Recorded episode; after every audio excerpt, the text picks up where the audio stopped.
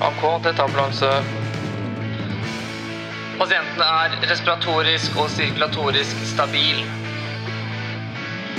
Vi kommer inn med én pasient. Du puster for fort! Hei og velkommen til en ny episode av Du puster for fort. 25. og 26. september ble jeg invitert av Ambulanseforum til å være med på den fantastiske konferansen deres.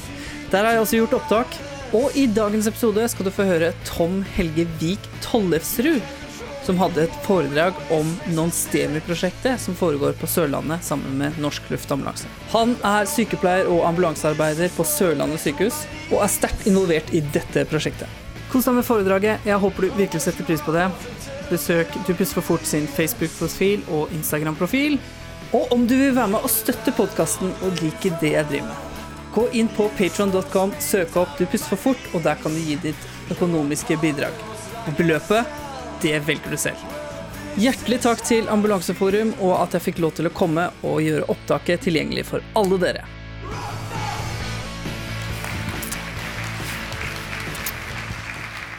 Takk for det.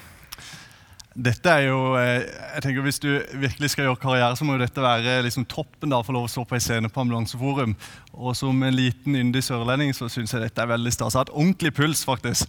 Men du, nå skal jeg få lov å snakke om noe av det gøyeste jeg vet, og det er å ta i bruk innovasjon og teknologi for å jobbe med det som Maren allerede har snakka om, nemlig det prehospitale rommet og effektivisering.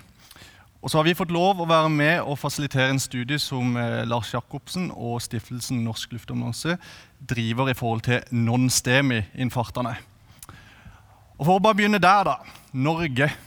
I min jobb så får jeg lov å både jobbe med de som bor her, ute i distriktene, som har en litt vanskelig tilgjengelig eh, logistikk.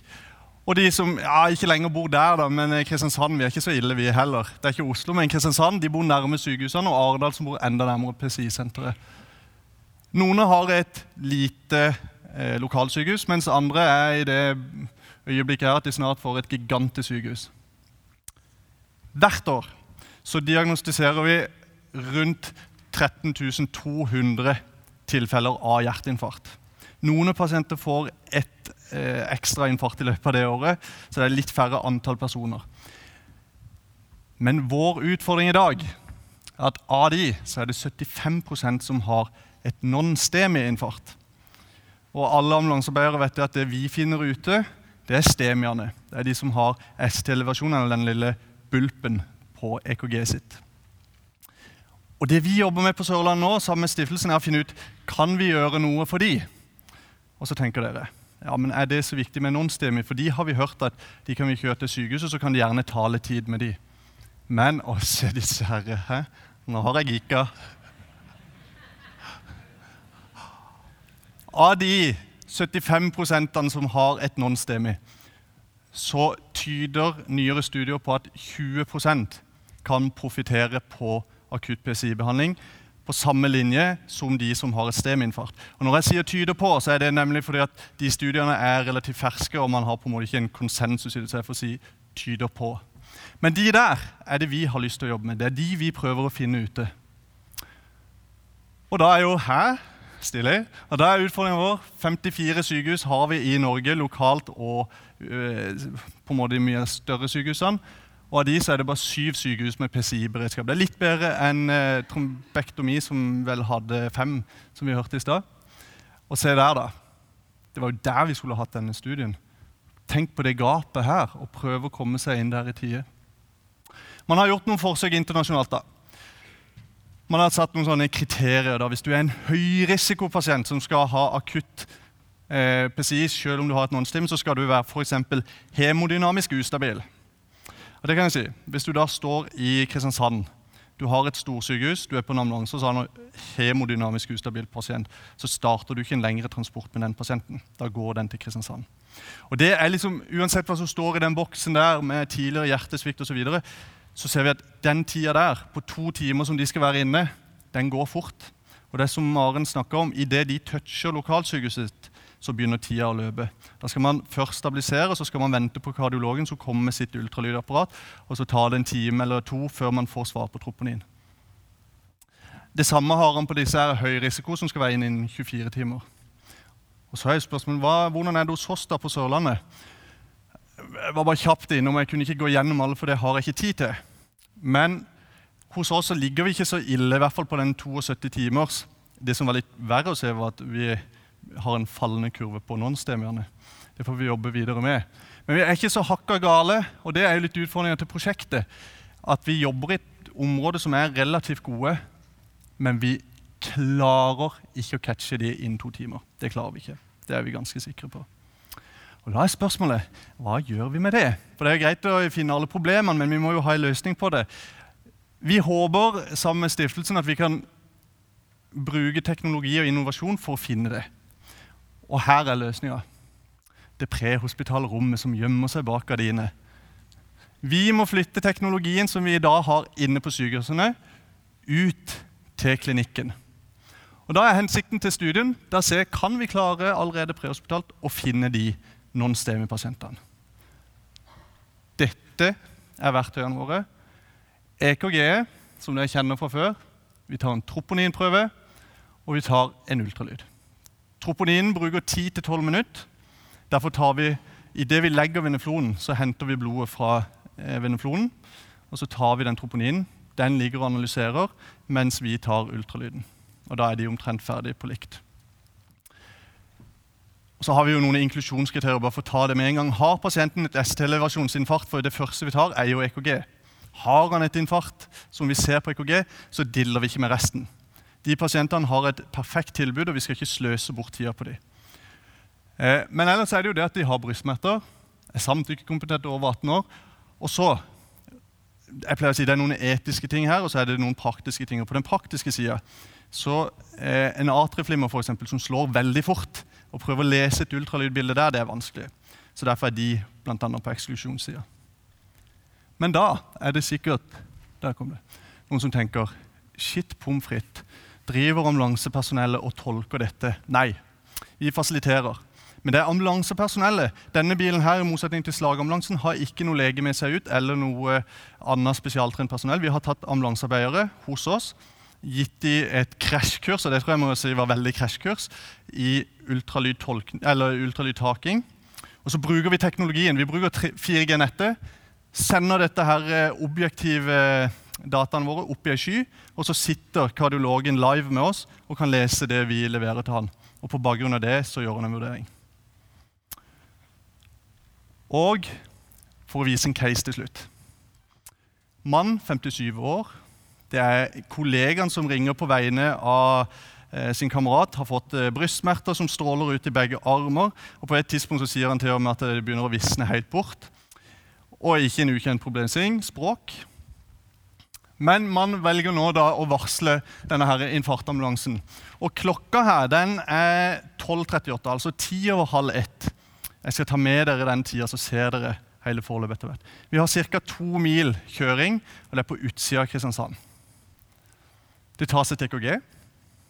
EKG det er for så vidt greit. Man finner jo alltid noe på EKG, men her er det i hvert fall ingen funn. Og man går videre i undersøkelsen. Her står det at man tok eh, ultralyd først. Det gjorde man altså ikke. det bare ikke fått retta den sliden. Men man tok eh, troponin først, og så ligger den og analyserer. Og Det henger sammen med at man legger veneflon for man vil smertelindre osv. Man går ned i bilen, og klokka 13.18 så er man i gang med å ta ultralyd i det hjertet. Er det noen som har lyst til å se åssen det hjertet så ut? Hvis jeg får til teknologien. Oi. Der. Jeg må bare gå tilbake igjen. eh, Der. Dette er fire av fem bilder som vi tar. Og for å si Det sånn, det er ikke lett å se hva dette her er. og Jeg skal ikke ta det nå. Jeg skal ha en workshop i morgen. Der skal jeg prøve å ta det litt mer med. Men det de er interessert i, kardiologene, det er veggen rundt her. Dette er f.eks. venstre ventrikkel dere ser nederst der. Det man måler, er hvor godt trekker hjertet seg sammen. Det er hele interessen her. Har man et infarkt, f.eks. i den sida av veggen her, så vil man se at det står mer still. Det trekker seg godt sammen der, men den sida følger ikke etter. Da vet man at man har et infarkt. Og Hvis man tar f.eks. mitralklaffen som er der, da, så har vi sånne områder med at LAD, altså den venstre koronararterien, forsvinner det området. CX her og høyre her. Og så kan man på bakgrunn av hvor står det still, så kan man gjøre en mening om eh, hvor har pasienten infarkt. Men det viktigste er har pasienten nedsatt kraft, så tar vi dem rett til PCI-senteret. Og Det er hele nøkkelen. Da skal vi få ned gainen litt, ja. Og så ser vi at I tillegg så tok de inn troponin. Og troponin er spennende fordi at eh, man kan jo lure på ja, vil man få funn. da? De få studiene som er gjort, viser at troponin slipper begynner sånn 1-2 timer fra symptomdebut. Og det som er gøy, da Når tid ringer pasienten? Han ringer 1-2 timer etter at han fikk symptomene. Det er liksom standarden. Vi ser ikke de sinnssykt høye troponinsvarene hos oss, men vi ser at den har steget litt.